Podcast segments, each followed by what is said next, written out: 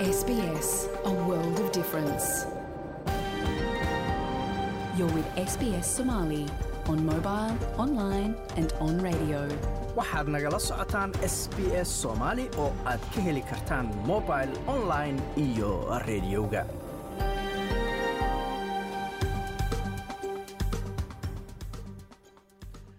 habeen wanaagsan dhammaantiinba meel kastoo aad joogtaan waa habeen jimcaha bisha sebteembarna ay tahay labo sanadka labada kun iyo labaiyo labaatanka halkaad naga dhegaysanaysaana waa laanta af soomaaliga ee idaacadda s b s oo si toos idinkaga imanaysa stuudiogan ku leenahay magaalada melbourne. Magacayguna waa xasan jaamac. Waxyaalahaad caawa idaacadda ku maqli doontaanna waxaa ka mid ah. Mararka qaarkood waxaa dhacda wax culturekiisa ka bixsan ilmihii isagoo markii horeba murugo oo naxdin waalidkiisi laga qaaday. Haddana naxdin labaad oo meeluna garanayn meel khamri lagu cabayo meel dadkii culture kale iyo dhaqan kale oo weligii una arkin oo la kulmo ilmihii inay dadkaasi ilaaliyaan. Dalkan australia haddii carruurta ay waalidka dhalay dayacaan waxaa la isku dayaa in loo raadiyo qoys kale oo markaasi korin kara gaar ahaan kuwo ilmaha ay isku dhaqan yihiin. Laakiin mararka qaarkood waxaa dhacday in la waayo arrimahaas iyo kuwo kale ayaad waraysi ku maqli doontaan. Sidoo kalena marka shuruudahaasi waa kuwii markii hore kuu soo dul maray ee ahayd waa in la yareeyaa saboolnimada. Waa in ay isla shaqeeyaan dowladda federaalka iyo dowladaha ka xubnaha dowladda federaalka. Waa inay wadanku uu yeeshaa dakhli dakhli soo gelaya oo markaa dakhligaasna uu noqdo dakhli yani kaabaya. Dayn cafinta soomaaliya oo geedi socod wakhti dheer ku soo jirtay ayaa khatar ugu jirta ayaa layidhi in khilaaf dhowaan dhex maray wasiirada maaliyadda maamul goboleedyada iyo kan federaalku ay markaasi khatar geliyaan hawshaasi wakhtiga dheer la soo waday. Sidoo kale waxaad maqli doontaan? Isku sheegan oo ka wada hadalno xaalaha guud sidaa wax u qaban lahayn sidaa horumar ugu gaari lahayn sidaa ogtihiin xaaladaha isbeddelka cimilada duruufaha dalka maanta ka taagan saameynta ay ku leedahay abaaraha iyo dhibaatooyinka ay leedahay waa kulan looga hadlayey isbeddelka cimilada lagu qabtay magaalada muqdisho iyo warar kale oo soomaaliya ku saabsan ayaad ku maqli doontaan warbixintii markaasi uu noo soo diray waryahayaga magaalada muqdisho. Marka horese wararka caawa waxaa ugu waaweyn ururo samafal oo dalbanayay in dadka hoyla-aanta ama homelesska ee dalkan australia laga qaybgeliyo wadahadalkii shirweynihii lagu qabtay toddobaadkan magaalada cambera wasiirka beerahana waxa uu ammaanay heshiis laga gaaray arrimaha shaqaalaha beeraha iyadoo maanta shirkaasi cambera la soo gebagabeeyey madaxweynaha maraykankuna waxa uu ka codsaday codbixiyaasha inaysan u codayn taageerayaasha madaxweynihii hore donald trump marka la gaaro bisha nofembar oo ay dhacayso doorashooyinka midtemka loo yaqaano ee baarlamaanka iyo aqalka sanadka. Wararkaas iyo kuwo kale u diyaar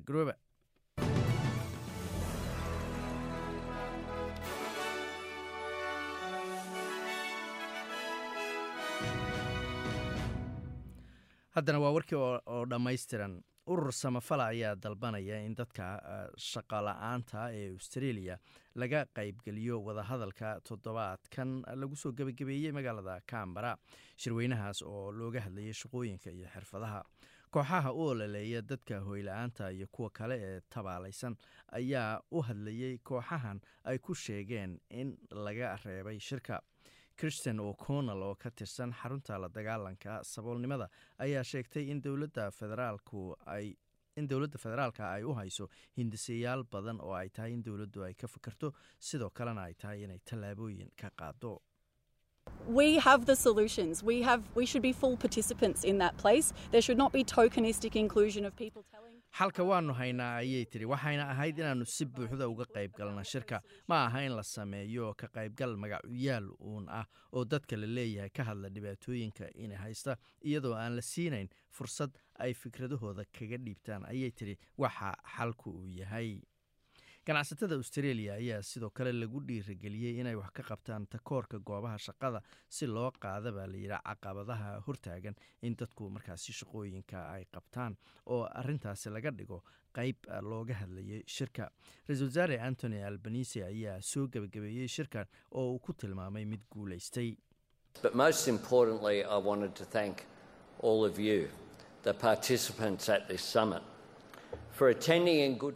laakiin tan ugu muhiimsan ayuu yidhi waa inaannu dhammaantiin idiin mahadceliyo. Kasoo qaybgalayaashii shirka oo si niyad ku jirta uga qaybgalay ayuu yidhi oo iska iloobay ama dibadda iska dhigay khilaafyadii hore si qoto dheer oo niyadu ku jirtana fikradahooda uga dhiibtay ayuu yidhi ra'iisul wasaare antony albanisi wasiirka beeraha ayaa dhankiisa ammaanay heshiis laga gaaray shaqaalaha beeraha iyadoo maanta la soo gebagabeeyey shirki shaqada iyo xirfadaha. Dowladda ayaa wada qorshe ay ku kordhinayso cadadda soo galootiga xirfadda leh oo la gaarsiiyo boqol iyo sagaashan iyo shan kun sanad miisaaniyadeedkan. Si loo daboola ayaa la yidhi xirfadyarida dalka ka jirta. Tirada dadka sanadkiiba la soo geliyay ayaa hore u ahaan jirtay boqol iyo lixdan kun. Senator mary watt ayaa sheegay in beeralaydu ay sannadihii u dambeeyey wajahayeen caqabado uuna doonayo iskaashigii uu ka arkay shirka inuu qayb ka noqdo xalka You will have heard my colleagues in the ministry uh, announce a number of things that are really important for tackling the jobs and skills crisis that this country has. waad maqasheen ayuu yidhi saaxiibadeenna warshadaha inay ku dhawa saaxiibadeenna wasaaradda andhehe inay ku dhawaaqeen dhowr arrimood oo runtii muhiim u ah sida wax looga qabanayo dhibka dhanka shaqada iyo xirfadaha ee dalku wajahayo waxaanu ku dhawaaqnay buu yidhi boosas dheeraada oo lacag la'aan lagu baranayo tayfafka iyo barnaamijyo kale oo xirfado lagu baranayo. Waxaanu ku dhawaaqnay buu yidhi kordhinta tirada dadka xirfadaha leh ee dalka soo gelaya annagoo weliba dadejinayna arrintaas ayuu yidhi. Arrimahan oo dhan waa kuwo aad ugu weyn ayuu yidhi ama muhiim u ah beeraha. Waxaana markii ugu horreeyey dhammaanteen ka wada shaqaynaynaa inaannu caawinno beeralayda siday qaybtooda uga heli lahaayeen xirfadahaas iyo xirfadleyda soo gelaysa dalka ayuu yidhi senator watt. Halkaad weli nagala socotaana waa laanta af soomaaliga ee idaacadda s b s. Hogaamiyaha mucaaradka federaalka dalkan australia peter dutton ayaa dhankiisa sheegay inuu doonayo inuu arko tallaabo cad isagoo ka jawaabaya shirki shaqada iyo xirfadaha ee toddobaadkan sibuu yiri ganacsatadu sibuu yiri ganacsatada loo siiyo hubaal mustaqbalkaa maer dutton ayaa ku raacay dowladda in la kordhiyo dadka xirfadda ku imanaya australia laakiin uu sugayo inuu arko waxa dowladda leybarku ay qabanayso.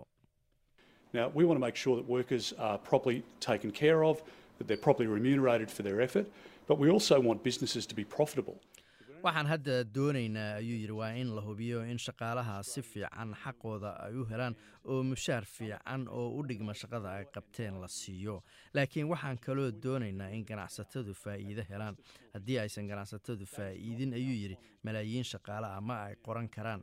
Shir ay soo abaabuleen buu yidhi ururada shaqaaluhu oo iyagu ay ka qayb galeen oo ay ku biireen ayuu yidhi shirkadaha waaweyn oo keliya oo ay ka maqnaayeen ganacsatada yaryar ma aha mid danu ugu jirto dhaqaalaha dalka iyo danaha guud ee dalkeenna ayuu yidhi peter dutton madaxweynaha maraykanka joe biden ayaa ka codsaday codbixiyaasha inaysan u codayn oo taageerin saaxiibada madaxweynihii hore ee maraykanka donald trump doorashada baarlamaan ee wakhtiga dhexe ama xilliga dhexe loo yaqaano ee dhacaysa bisha nofembar khudbo uu sii daayey madaxweynuhu wakhti fiidkii ah oo shacab badani ay telefishinada daawanayaan ka hor doorashada nofembar ayuu maer biden ku eedeeyey qaar ka mid a xusbiga jamhuuriga inay wiiqayaan aasaaska dimuqraadiyadda dalka maraykanka oo ay wadaan buu yiri been abuur iyo mala awaal ayna markaasi dhiirigelinayaan gacan ka hadal siyaasadeed oo ay ku hanjabayaan. Madaxweyne biden ayaa khudbadan ka jeediyey hoolka xorriyadda ee philadelphia halkaas oo ah goobtii looga dhawaaqay xorriyadda maraykanka laguna qoray ama lagu saxiixay dastuurka dalkaasi maraykanka. Maer biden ayaa sheegay in dadka u googo-ay ama aadka u aaminsan ajendaha trump ee la yidhaahdo make america great again ay ka go-an tahay in maraykanka ay dib u celiyaan. Marka la eega ayuu yidhi xaquuqda haweenku ay u leeyihiin inay uurka iska soo ridaan dadka isku jinsiga ee isguursada iyo arrimo badan oo kale ayuu yidhi oo shacabka maraykanka intooda badani ay taageersan yihiin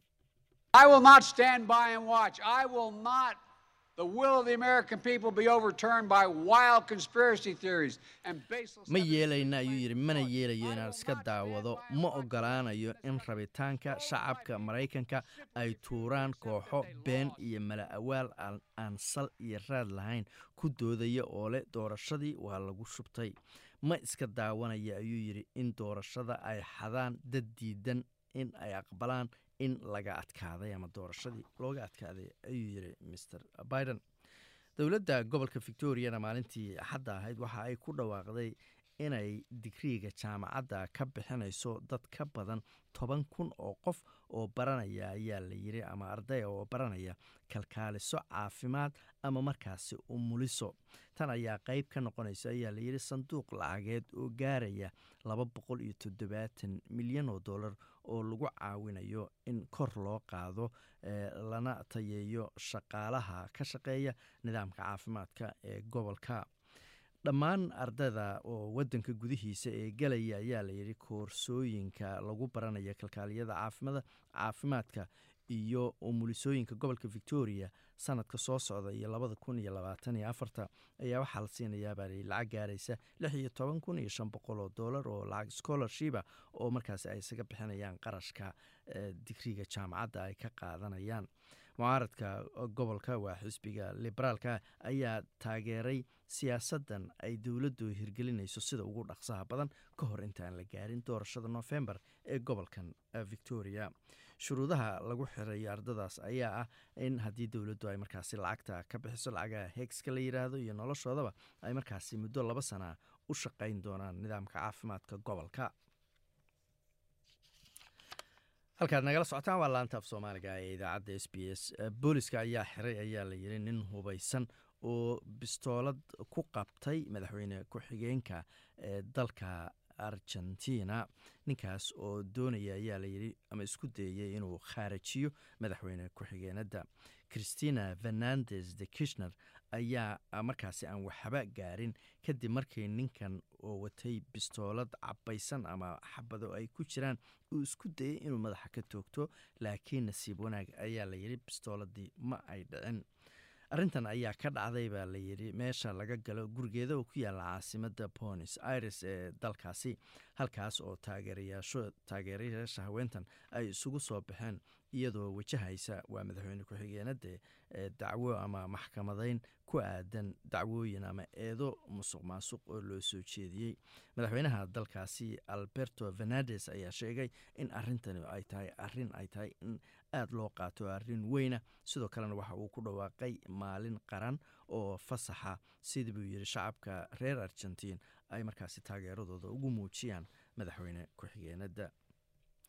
Dhanka isboortigana nick kirios oo ah cayaartooy cayaara cayaaraha tenniska dalkan australia ayaa ku dhawaaqay inuu diyaar u yahay inuu aado wareega labaad ee u s open isagoo markaasi ka qeyb qaadanaya cayaaraha la yiraahdo oo labalaba loo cayaaro isagoo saaxiibkiis uu noqonayo tanasi kokenikas oo wadan kale u dhashay saddex maalmood kadib markii tan ayaa imanaysa ayaa layidhi saddex maalmood kadib markii coconetes cayaaraha singalka looga adkaaday. Labada nin ayaa markaasi saaxiibay oo markaasi waxay la cayaari doonaan ayaa layidhi hugo gasto iyo lorenza museti oo u kala dhashay dalalka faransiiska iyo talyaaniga saadaasha hawada brita oo sabtiye magaalada bet waxaa leeyahy xoogaa roobaba iyo labaatan digrii adelaide qayb ahaan daruur iyo lix iyo toban digrii melbourne xoogaa roobaba iyo afar iyo toban digrii magaalada sydneyna. Waa xoogaa roobaba ayaa la filayaa toddobiyo toban digrii ayayna gaaraysaa. Brisbanna roob ayaa imaanaya ayaa layidhi marka dambese qaadaya iyo labaatan iyo kow digrii halka australian dollar maanta waxaa lagu sarifayay lixdan iyo sideed senti oo lacagta maraykanka ah halkaad weli nagala socotaan waa laanta af soomaaliga ee idaacadda s b s weli. Waxaa noo soo socdaa waraysi ku aadan khilaaf u dhexeeya wasiirada maaliyadda heer gobol iyo kan federaalka oo ay dhici karta ayaa la yiri in ay khatar geliso arimihii dayn cafinta dalka soomaaliya waraysigaas ayaa noo soo socdaa marka horese dalkan australia carruurta haddii lagu arko dayac ama waalidiinta ay dhalay ay dayacaan sababtay doontaba ha noqotee dowladda ayaa markaasi ka qaada. Kadibna waxa ay isku daydaa inay qoysas kale oo xanaaneyn kara caruurtaasi loo dhiibo inta badanna waxaa la isku dayaa in caruurtaasi la siiyo qoysas markaasi la dhaqan ama la diina ilmahaasi. Khatra abiib cumar waxa ay ka shaqaysaa arrimaha bulshada iyadoo iskuullada iyo bulshooyinka iyo caruuraha kala duwan howlo noocaasa markaasi ka qabato. Maxamed madar oo ka tirsan idaacadda s b s ayaa khatra abiib cumar waxa uu weydiiyey bal howlahaas ay qabato iyo sida ay u qabato waxayna tiri waxaan odhan lahaa waa qof aada iyo aada ilmaheenu inay horumar gaadhaan waalidku inuu dhibaatada waddanka koritaanka ilmaha kala kulanta aan ka caawino oo baahida weliba ilmuhu inay caafimaad iyo nabadgelyo ay ku bilaabaan iskuulkooda oo qoyskii iyo waalidku aada iskugu xidhxidhnaadaan. Waa qof oo early years la leeyahay iyo waalidkiiyo ilmuhu siday iskugu xidhnaadaan ay labadooduba caafimaad helaan. Aada waxaasi wax aan kuleeyahay waxaan anu aada uga helo oo baashankayga weeye oo hadda in lix iyo labaatan sano iyaan ka soo shaqaynayay. Aanan waxaana soo bartay weliba waxaan aada uga helaa inaan ka dhaadhiciyo dadkeena iyo dadka wadanada kale ka soo galo oo dhanba. Australia ilmahase lagu korinayo inay ka duwan tahay sidii annagana lagu koriyey. Waxaa jira xirfado badan oo ilmaha iyo waalidka isku xidhayso.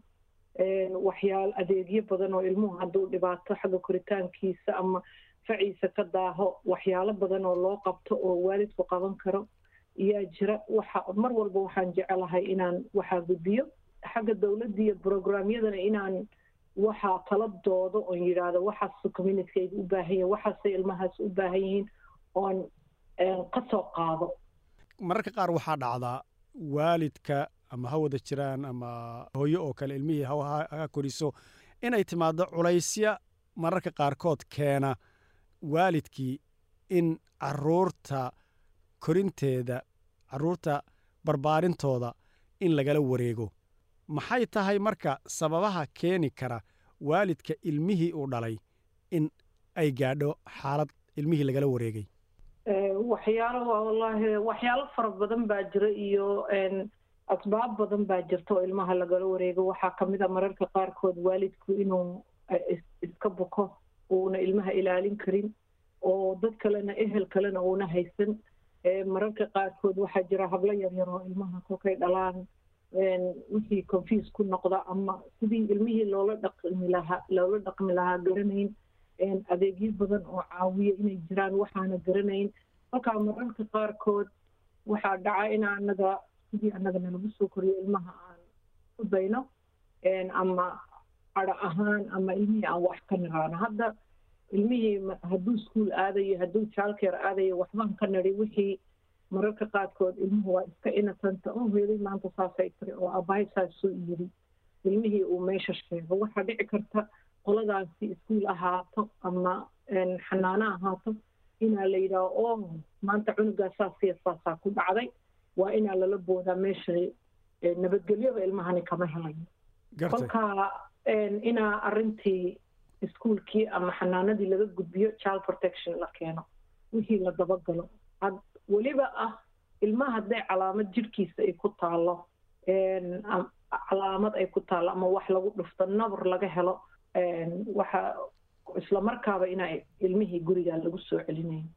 Waxaa ka mid ah hadda ilmaha qaniyo laga helo dharbaaxo calaamadeeda laga helo ama wax dhaawaco ama qofkii isagoo cadhoonaya wax ku tuuray ilmihii ay dhaawaca geysi calaamadaha kolka laga helo islamarkaaba ilmaha waxay isku dayayaan. Xagga sharciga neersyadoo kale macalimiintoo kale waxaa culays weyn baa saaran inaa ilmihii kolka waxaa laga helo inay gudbiyaan waxaa child protection qolada la yidhaaho oo ilmihii yacni lala wareego. Gartay hadday dhacdo ilmihii in markaa iyada ay noqoto in lalaba wareegay marxaladda xigta ee ilmihii uu qoyskii ka baxay maxaa tallaabooyina oo furan markay qoys noqoto ama markay bulsho noqoto oo ilmihii iyo noloshiisii lagu sii dabagali karaa ama lagu ogaan karaa ama lagu maarayn karaa? Kolka waxaa la samayn karaa oo horta waxa ugu horreeya ay qolada child protectionku isku dayaan ilmihii inaa ehelka ugu soo dhow loo raadiyo ayeeye muu qabaa adeer muu qabaa abti muu qabaa habaryar muu qabaa inaa la weydiiyo la soo baadho. Qoladaa horta la eego haddaa qof laga helo oo qaadanaya ilmihii qaadayo ilaalinaya mararka qaarkood muddo soo gaaban bay dhici kartaa waalidkii inta wax yacni wixii maxkamad ama wax soo jirto wixii la dhammaynayo sheekadii la soo gabagabaynayo gurigii laguma soo celiyo cunugii ehelkiisa la isku dayaa iyo culturekiisa dhexdiisa inaa lagu hayo. Haddaa laga waayo qofka ehelka soo dhow communityga ka labaad la raadiyaa waxa maanta ujeedadaaban maanta aan ka hadlayo mararka qaarkood lama helo lama helo qof communityga ka mid oo isa soo taago ilmaha anaa ilaalinayo. Ama register garaysan foster care baa la isku dayaa. Foster carekaas dadka islaamka iyo dadkeena geeska africa ka yimaaday aad bay ugu yaryihiin haddayba jiraanba weeyaan taasi kolkaa ilmihii waxaa la isku dayayaa inaa dad kale loo wareejiyo. Ama guri cadaana la geeyo ama afrikaan kale la geeyo. Mararka qaarkood waxaa dhacda wax culturekiisa ka bixsan ilmihii isagoo markii horeba muligo oo naxdin waalidkiisi laga qaaday. Haddana naxdin labaad oo meeluna garanayn meel khamri lagu cabayo meel dadkii culture kale iyo dhaqan kale oo weligii una arkin oo la kulmo ilmihii inay dadkaasi ilaaliyaan. Welibana waxyaalaha qaarkood oo aad aan uga xuma uga murugoonaya waxa weeyaan dad aabad weligaabaad cadowgaaga ku aaminayn baa hadda ilmaheenii la wareegay gartay markay noqoto sida aad sheegtay bulshadu ama bulshada aan ka soo jeedno iyo dadka yowga nala midka ah inaynan ku badnayn dadka fosterkerada ah ee iyagu la wareegi lahaa ilmaha. Dhaliisha dhaliishaasi bulshadu markay yeelatay maxaa tala ah oo bulshada la siin karaa?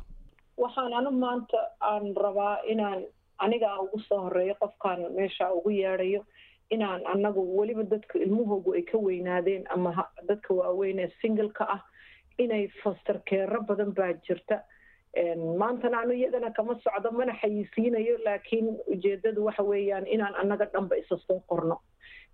Foster careku qaybo badan weeyaan. Qayb waxaa jirta emergency ama laba habeen ama habeen ama mararka qaarkood waalidku oo single mom ay tahay operation galayso ama meel qofku uuna habeenkaa ilaalin karin. Waxaa dhici karta ilmahaasi laba maalmood inaad haysid waa emergency care.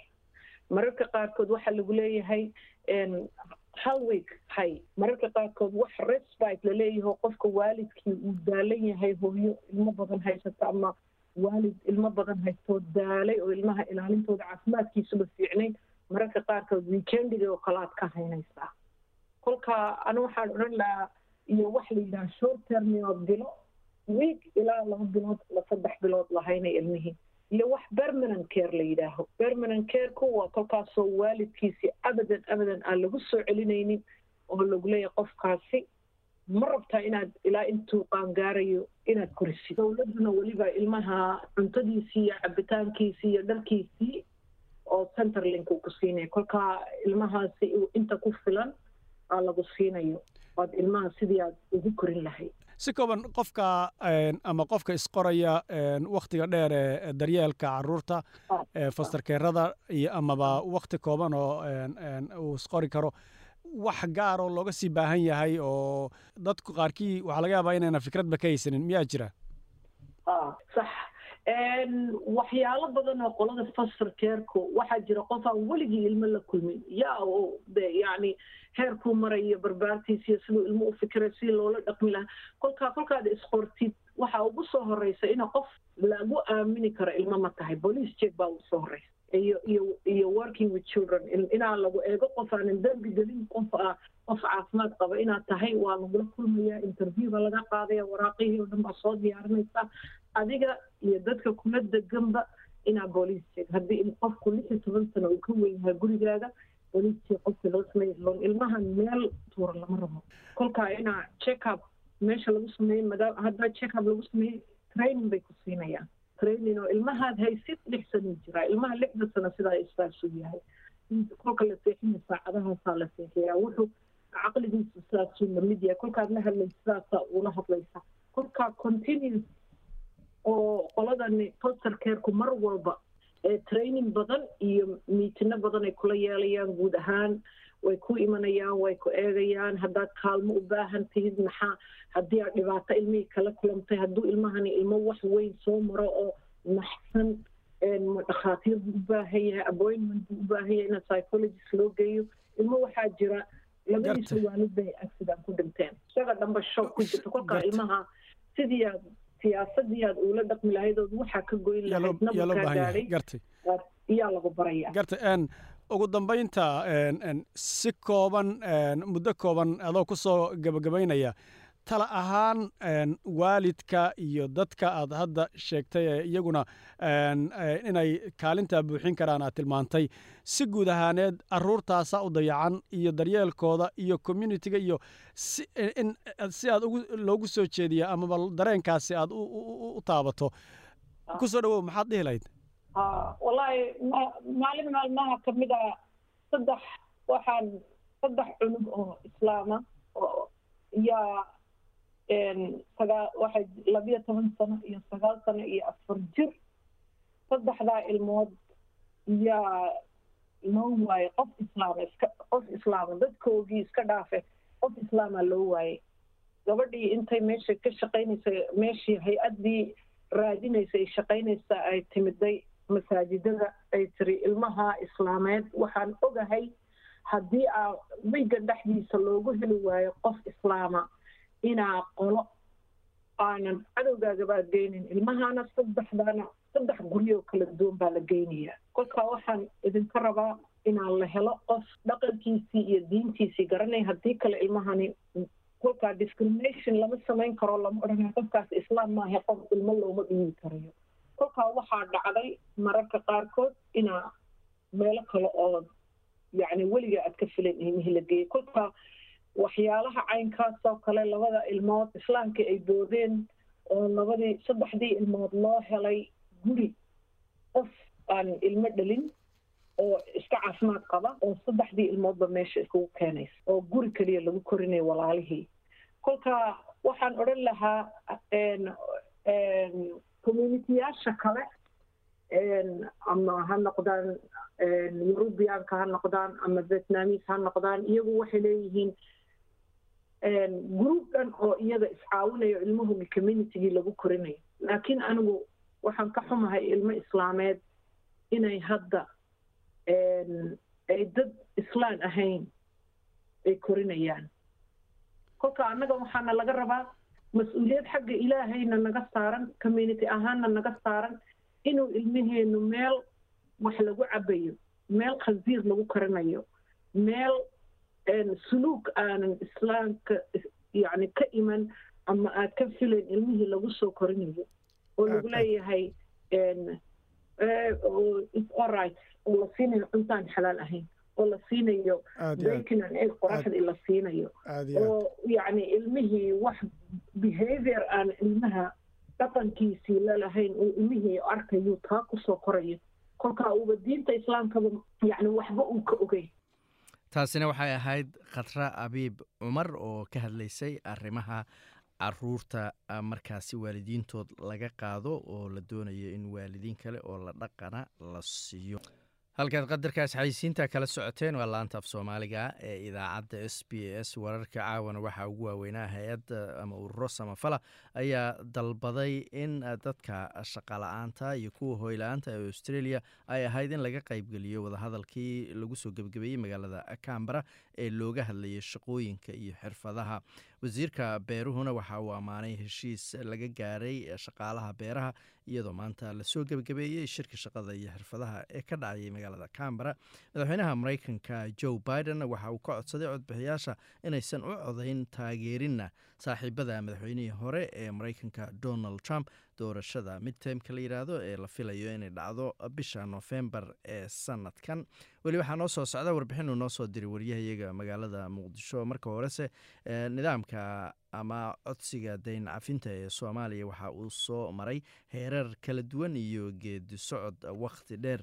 Haddaba khatar ma dhici kartaa inay gasho arintaasi kadib markii ay soo baxeen khilaaf u dhexeeya wasiirada maaliyadda ee maamul goboleedyada iyo wasiirka maaliyadda ee markaasi dowladda federaalka ee soomaaliya su'aashaas ayaan hordhigay cabdiqani hiirad oo ah aqoon-yahan ku takhasusay ama wax ka bartay arrimaha dhaqaalaha kuna sugan magaalada washington ee dalka. Mareykanka cabdiqani ayaan weydiiyey bal marka hore sida uu arko khilaafka soo dhex galay wasiirada maamul goboleedyada iyo dhigooda federaalka waxaana uu yidhi xasanow murankaas waxaan u arkaa muran runtii keeni kara dhibaatooyin u keeni kara dowladda federaalka soomaaliya iyo arrimaha deen cafintana saameyn ku yeelan doona khilaafkaasuna waa khilaaf ka yimi sidii loo qeybsan lahaa kaalmada ka timaada bangiga adduunka ama world banka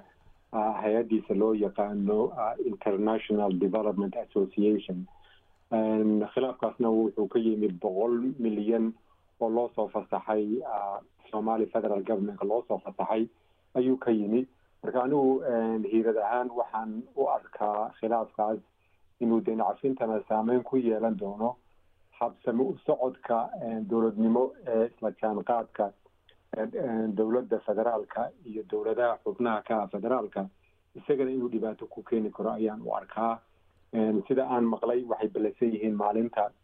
Isniinta ayay malaynay inay yidhahdeen waa ballansanahay inaan arrintaas aan mar kale ka hadalno oo la isku soo dhowaado waa gartay marka saameyn inay ku yeelataa laga yaabaaba tiri arrimaha deen cafinta. Saameyn nooceeyay ku yeelan kartaa? Waxyaabaha deymaha laynkaga cafiyayo shuruudo badan ayaa ku xidhan shuruudahaasi waxaa ka mid ah dowladda federaalka iyo dowladaha maamul goboleedyada xubnaha ka ah dowladda federaalku waa inay isla shaqeeyaan. Sida isula shaqeynayana waxa weeye in wasaaradaha tusaale ahaan wasaaradaha maaliyadda ee dowladaha ka ah xubnaha dowladda federaalka iyo wasaaradda maaliyadda xamar iyo muqdisho ee federaalku waa inay isla shaqeeyaan. Waa inay wada qeybsadaan lacagta dibadda laga soo diro ee lagu kaabayo maaliyadda soomaaliya ama miisaaniyadda soomaaliya. Waa inay isla shaqeeyaan wasaaradaha caafimaadka ee dowladaha ka ah xubnaha dowladda federaalka iyo wasaaradda caafimaadka ee federaalka waa inay isla shaqeeyaan. Wasaaradaha tacliinta gobol dowlad goboleedyada iyo wasaaradda caafimaadka ee federaalka waa inay isla shaqeeyaan waxyaabaha shuruudo noocaas oo kale ayaa lagu xidhay shuruudahaasna waxaa loogu xidhay waddanku waa federaal. Haddii aanu federaalku isla jaan qaadin isqabqabsiyo ayaa badanaya. Marka jaanqaad la'aantaasna waxay keenaysaa waddankii inuu noqdo waddan iska daba wareega. Sababahaas ayaan ayay ugu noqonaysaa caqabad una saameynaysaa deencafinta isqabqabsigaas dhex yimi wasaaradaha maaliyadda dowlad goboleedyada iyo wasaaradda maaliyadda ee federaalka. Waa gartay marka arrimaha dayn cafinta sanado badan baa hadda laga soo hadlayay. Bal in yar haddaad noo dulmarteed howlaha ama waktiyada uu soo maray iyo meesha hadda la joogo markay noqoto arrimaha dayn cafinta dayn cafintu xasano wuxuu soo martay runtii geedi socod dheer ayay soo martay. Bishii march shan iyo labaatankeedii sannadkii laba kun iyo labaatankii ayaa soomaaliya waxay soo gaadhay bartilmaameedka loo yaqaano decision point iyo markii laga gaaray go'aan laga gaaray in soomaaliya ay u tahay ay mudaysatay ama ama ay eligible u tahay inay hesho dayn cafid waa bishii march shan iyo labaatan laba kun iyo labaatankii. Waxaana lagu dabakay ama waxaa soomaaliya ay ka mid noqotay wadamadan la yidhaahdo highly indebted poor countries initiative highly indebted poor country initiative.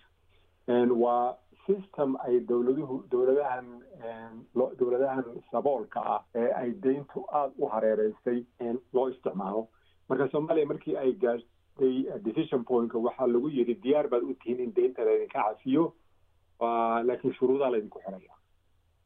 Intaan xitaa inaan soo gaarin waxaa loo yaqaano completion pointka waxaynu soo marnay geedi socod dheer runtii baynu soo marnay dowlad ahaan laga soo bilaabo. Dowladdii cabdiqaasim salaad xasan uu madaxweynaha ka ahaa cali khaliif garleynna uu ka ahaa prime ministerka laga soo bilaabo.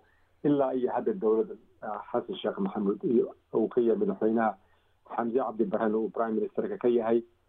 Maxaynu soo marnay way su'aashu waxaynu soo marnay in runtii bangigii dhexe dib loo soo celiyo waxaynu soo marnay in soomaaliya ay yeelato waxaan loo yaqaano xawaaladaha in license loo sameeyo oo lagala dagaalamo waxa loo yaqaano anti money laundering. Yani qofku inuu lacag isdabamaraysa ama lacag si xun ku timi uu systemka soo geliyo. Soomaaliya waxa two thousand sixteenkii waxay yeelatay waxaan loo yaqaano well banka iyo i m f tu ay nagala shaqeeyaan bangiga adduunka iyo hay'adda lacagta ee adduunka inagala shaqeeyaan ee loo yaqaano s n p. S n p na waxay u taagan tahay staff monitored programs staff monitored programs waxa weeye waxaa isla shaqeynaya wasaaradaha iyo soomaaliya ay ka mid yihiin wasaaradda maaliyadda oo kale iyo bangiga adduunka iyo iyo i m f ayaa isla shaqeynayo oo soomaaliya waxaa laga xakameynayaa habkii habkii ay u dhismi lahayd waxaa laga xakameynaya habkii aanay systemkeeda u soo geli karin money laundering. Waxaa kaloo ayn aynu diyaar garaynay waxaa loo yaqaano two thousand seventeenkii telecommunication act. two thousand eighteenkii waxaynu sameynay budget system ah oo ayaynu samaysanay oo casri ah. two thousand eighteenkii somalia national army ayaa la budget nineteenkii bangiga dhexe ayaa dib u habeyn lagu sameeyey oo wuxuu leeyahay kala sarreyn ah maamul kala sarreyn ayuu leeyahay. Waxaa soo geedi socda markaynu soo marnay thousand twentygii march labaatankeed ayaana laku yidhi diyaar baa u tihiin shantan milyan iyo bar adigu shan milyan iyo adigu point four weeye. Waa laydinka cafiyayaa shan bilyan baa le shan bilyan iyo point four waa laydinka cafiyayaa haddii aad shuruudahan soo socda fulitaan marka shuruudahaasi waa kuwii markii hore kuu soo dul maray ee ahayd waa in la yareeyaa saboolnimada. Waa in ay isla shaqeeyaan dowladda federaalka iyo dowladaha ka xubnaha dowladda federaalka. Waa inay wadanku uu yeeshaa dakhli dakhli soo gelaya oo markaa dakhligaasna uu noqdo dakhli yani kaabaya wasaaradaha dowladda federaalka. Geedi socodkaa dheer ayuu soo maray. Marka bisha march laba kun saddex iyo labaatanka ay haddii aynu shuruudihii layna ku xiday oo adigu ilaa sagaal ah sagaal miyo adigu toban meelahaasa aynu dhammaantood fulino marka deynta deyntaas ahayd five point four billion waa layna ka dhaafaya adigu badankeeda. Waxaa nagu soo hadaya un adigu nus billion baa inagu soo hadhaysaa waa garta marka hiiradow lacagtaas aad sheegtay qiimaheeda oo shan dhibic afar bilyan oo doolara yaa nagu leh yaa soomaaliya kuleh goormaasa laga qaatay badankeeda waxaa inagu leh dadkan loo yaqaano paris clubka. Paris clubku waa wadamadan ay ka mid yihiin maraykanku ka mid yihiin europeanka badankoodu ay russia ka mid tahay. Paris clubku wuxuu nagu leeyahay saddex bilyan oo oo deyn ayuu nagu leeyahay waana fifty eight waana fifty eight percent of waxaana lagu leeyahay. Well banku wuxuu nagu leeyahay adigu nus billion ayuu nagu leeyahay. I m f tu ama sanduuqa lacagta ee adduunku waxay nagu leedahay saddex boqol oo milyan. Wadamada carabta oo iyaguna leh leh sanduuq leh adigu ilaa dhowr dhowr milyan bay nagu leeyihiin. African development banka bangiga horumarinta ee africa wuxuu nagu leeyahay adigu lacag gaaraysa ilaa boqol milyan. Marka lacagta badankeeda waxaa nagu le paris clubka well banka iyo i m f ka oo waxaa soo raacay marka african development banka iyo iyo arab fundkana way soo raacayaan. Waxaasoo lacaga haddii aynu ka soo baxno shuruudahaas layna ku xidhay sanadka laba kun saddex labaatanka bisheeda march waxaa laga laga yaabaa anigu aanan hubaa lagama yaaba aan hubaa inaynu gaari doono dayn cafintaas waa gartay. Marka markii markaas la gaaro ka soo qaad waa la cafiyey deyntii maxaa soomaaliya kaloo dan ugu jira qof dayn lagu lahaa ama dowlad dayn lagu lahaa laga cafiyo wax fiican laakiin dad baa qaba in dayn cafintaasu ay keenayso ama dowladaha soomaaliya ay rabaan un keliya inay dayn kala qaataan markii taa laga cafiyo. Maxay yihiin faa'iidooyinka ugu jiri kara in dayntaas la cafiyo? Marka laga reebo dabcan qof kastoo ama cid walba dayn lagu leeyahay way jeclaan laha in daynta laga cafiyo. Waa su'aal fiican xasanow waana dayntu haddii aadan si fiican isaga fiirinin oo aadan u helinin maarayn iyo maamul iyo qorshe aadan u helin markaad qaadato oo aadan la imaanin plan ama qorshe fiican aad isaga bixinayso de waxaad noqonaysaa un markaa waddan dayn qaato weli hadda dhibaatada ina haysata waxa weeye waddankeeni waa sabool laakiin waddan qani ayaynu leenahay waxaynu leedahay khayraad badan badan ayaynu leenahay marka waxaynu rabnaa haddii marka daynta layna ka cafiyo dowladihii hore sida ay noqdeen oo kale waxa weeye waxaa dhacda markaa dayn laguma leh marka waxaad daysan kartaa maadaama aadan ahayn waddan dayn waxaad daysanaysaa lacag kale oo waxaad ku daysanaysaa waxa loo yaqaano concessionary terms. ama iyadoo ama zero interest ah ama interestkeeduba aada u hooseeyo marka marka aada daysato lacagtaas marka waxaa lagu horumarinayaa waddankii sababto waddankan wuxuu u baahan yahay infrastructure ayuu u baahan yahay. Wuxuu u baahan yahay dekedaheeda in la hagaajiyo. Wuxuu u baahan yahay ereboordadeeda la hagaajiyo. Wuxuu u baahan yahay in jidadka la hagaajiyo. Wuxuu u baahan yahay in xoogga dalka soomaaliya si fiican loo dhiso wuxuu u baahan yahay koronto iyo wuxuu u baahan yahay electricity grid system oo meel kasta. Ah waxyaabahaas dhan ayaynu investment maalgashi aynu ku samaysan karnaa marka aynu dayntaas qaadano. Waddankan wuxuu leeyahay xasan waad og tahay gas iyo wuxuu leeyahay batrol si fiican loo og yahay oo hadda adduunkao dhan u hanqaltaagayo haddii aynu batroolkaas iyo gaaskaas iyo kalluunkaas iyo khayraadka kale waddankeena ku jira aynu si fiican ula soo baxno oo hufnaan iyo kala kala dambeyn iyo ay timaado accountability iyo transparency waxa loo yaqaano wixii aynu daynsanay markaa dib baynu isaga celin karnaa. Hadda inagu waddankeenu male dakhli weyn oo aynu waddankii ku dhisno laakiin haddii ay timaado nidaam hufnaana nidaam kala dambeyna nidaam aan lahayn waxaan corruptionka iyo musuq maasuqan aanu lahayn. Marka haddaynu dayn qaadano tacliinta ayaynu horumarsananaa waddankeenu wuxuu yeelanayaa ilaa caafimaad oo aada iyo aada ugu muhiim. Waxaa la horumarinayaa beerihii oo runtii aada iyo aad aan hadda aan u horumarsayn marka waxyaabahaas o dhan ayay deyntu inoo sahlasaa marka layna ka cafiyo hadda inagoo deynaynu ku leeyahay oo deyni ina hareereysay cidna waxba ina siin mayso. Kaasina wuxuu ahaa cabdiqani hiirad oo ah aqoon-yahan bartay culunta markaasi maaliyadda kuna sugan magaalada washington ee dalka maraykanka. Haddana waa warbixintuu noo soo diray waryahayaga magaalada muqdisho golaha xukuumadda federaalk ee soomaaliya ayaa yeeshay shirkii ugu horeeyey ee toddobaadlaha ahaa tan iyo markii la magacaabay kaasi oo looga hadlay xaaladda amni ee waddanka dadaalka gurmadka abaaraha iyo safaradii shaqo ee uu dhowaan ra'iisul wasaaruhu galay. Shirka oo uu shirgudoominayay ra'iisul wasaare xamse cabdi barre ayaa waxa uu kaga waramay socdaalkii uu ku tegay magaalada tunis ee caasimada dalka tunisiya oo isaga iyo wafdigiisii ay kaga qayb galeen shirkii caalamiga ahaa ee tigad sideed ee tigad sideed kaasi oo intii uu socday ra'iisul wasaaraha iyo xubnaha wafdigiisii ay kulamo kala duwan la yeesheen madaxdii ka qaybgelaysay shirkaasi. Waxaa sidoo kale ra'iisul wasaaruhu uu ka warmay safarkiisii magaalada beledweyne ee xarunta gobolka hiiraan oo uu sheegay inay u doorteen in ay tusaale u noqoto gurmadka ay dowladdu bilowday. Afhayeenka xukuumadda federaalk ee soomaaliya islamarkaana ah agaasimaha warfaafinta xafiiska ra'iisul wasaaraha farxaan jimcaale ayaa shirka kadib warbaahinta u waramay golaha wasiirada ee xukuumadda dan qaran waxaa maanta ay yeesheen kulankii ugu horreeyey ee toddobaadlaha ahaa oo maalin kasta oo khamiista toddobaadkii la qabto.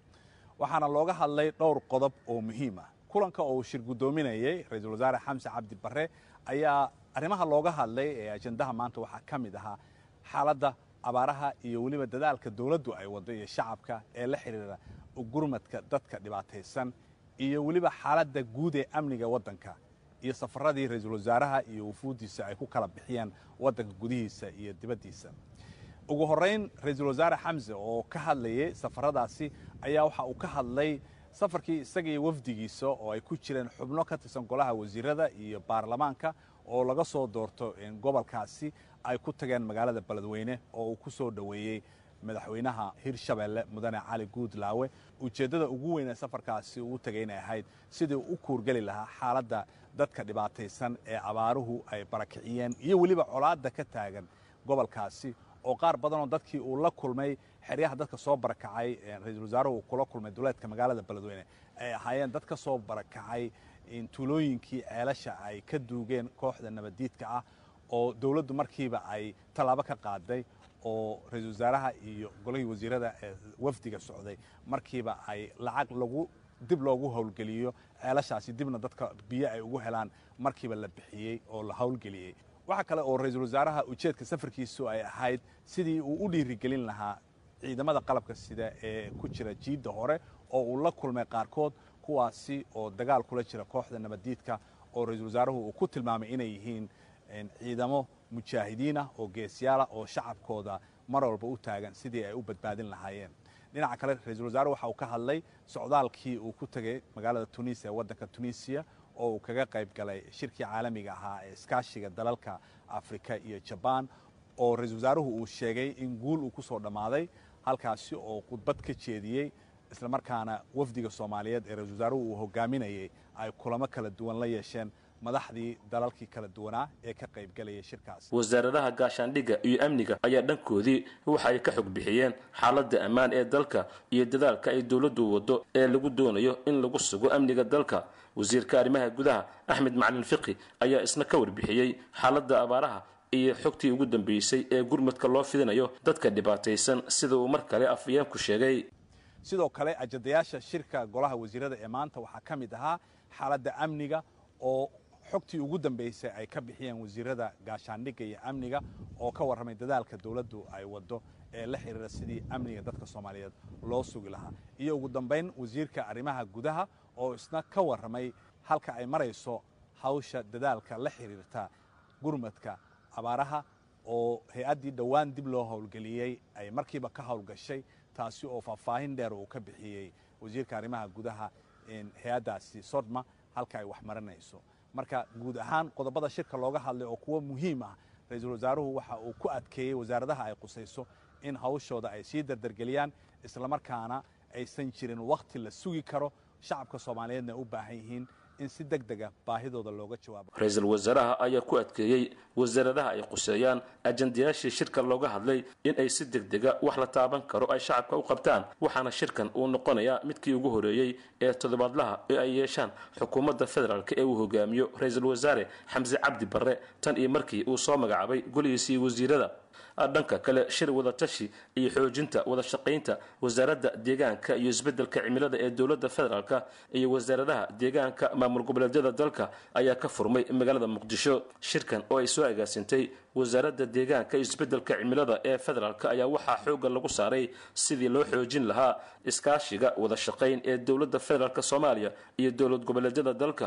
Sidoo kale waxay dhinacyadu ay diiradda ku saareen wax ka qabashada dhibaatooyinka deegaanka iyo isbeddelka cimilada oo ah mid si gaar ah u taabanaysa guud ahaanba dalka oo dhan wasiirka deegaanka iyo isbeddelka cimilada xukuumadda federaalk ee soomaaliya xildhibaanad khadiijo almaqsuumi ayaa sheegtay inay ka go-an tahay wax ka qabashada dhibaatooyinka cimilada iyada oo ballan qaaday inay si dhow ula shaqayn doonto wasiirada wasaaradaha ee heer dowlad goboleed. Waxaana rabnaa wada shaqayn hufan inaan u wada shaqeyno. Xaalalka iyo iyo iyo wixii taagnaa iyo duruufihiini maamul goboleedka walba qof walba inaan isku sheegan oo ka wada hadalno xaalaha guud sidaa wax u qaban lahayn sidaa horumar ugu gaari lahayn sidaa ogtihiin xaaladaha isbeddelka cimilada duruufaha dalka maanta ka taagan waa saameynta ay ku leedahay abaaraha iyo dhibaatooyinka ay leedahay degmo degmo magaalo walbo ee soomaaliya dhibaatay ku tahay.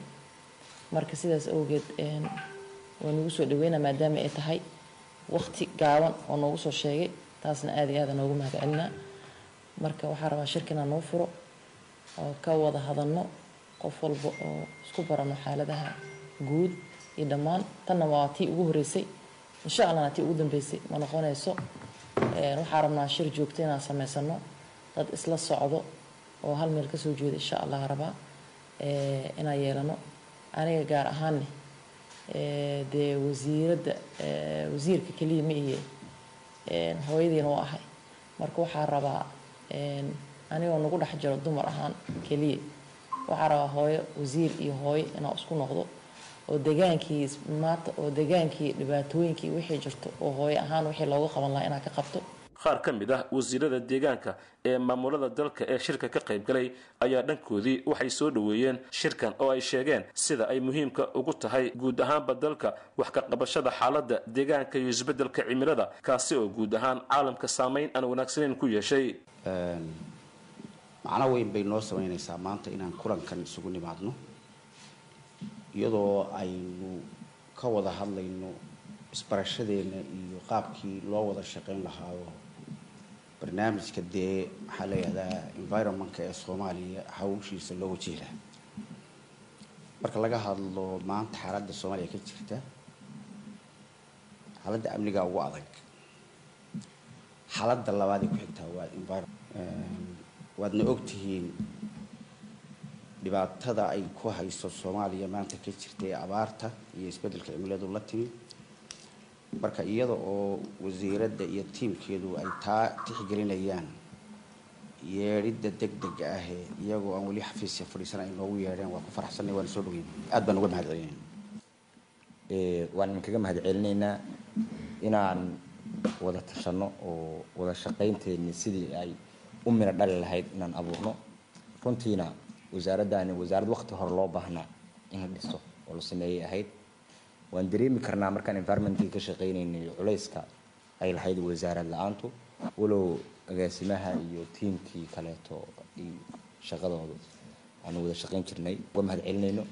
Wasiirad soo dhawow wasiir dowlad soo dhawow dhammaan tiimka wasaaradda waan soo dhaweynaynaa insha allahu istididana waan inku qaabili doonaa haddii ilaahay idmo. Si kastaba shirkan oo noqonaya midkii ugu horeeyey oo si wada jira ay u yeeshaan wasiiro ka tirsan dowladda dhexe iyo kuwa maamulada dalka ayaa imanaya xilli dhowaan wasiirada maaliyadda ee shanta maamul goboleed ee dalku ay sheegeen in ay hakiyeen wada shaqayntii ay la lahaayeen wasaaradda maaliyadda ee dowladda federaalk soomaaliya oo ay ku eedeeyeen in ay hareer martay heshiisyo horay ugu yaalay halkaad warbixintaas kala socoteen waa laanta af soomaaliga ee idaacadda s b s